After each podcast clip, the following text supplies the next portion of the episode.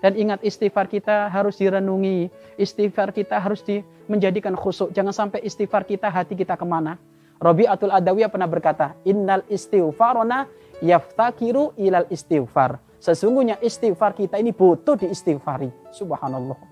Kita baca istighfar butuh diistighfari. Kenapa? Karena istighfar kita belum hadir namanya Allah Istighfar kita belum hadir Allah di dalam hati kita. Sehingga istighfar kita ini istighfar hanya hanya ampang. Istighfar tidak berbobot. Maka jadikan istighfar kita adalah istighfar yang berbobot.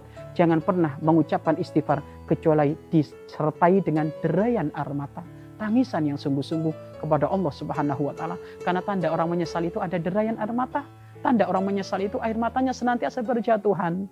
Dan ini yang sering dilakukan oleh para ulama. Tidak lewat satu malam di saat beliau menghadap kepada Allah. Tidak menghadap kepada Allah. Kemudian istighfar kepada Allah. Kecuali dia menangis. Dirian air matanya banyak.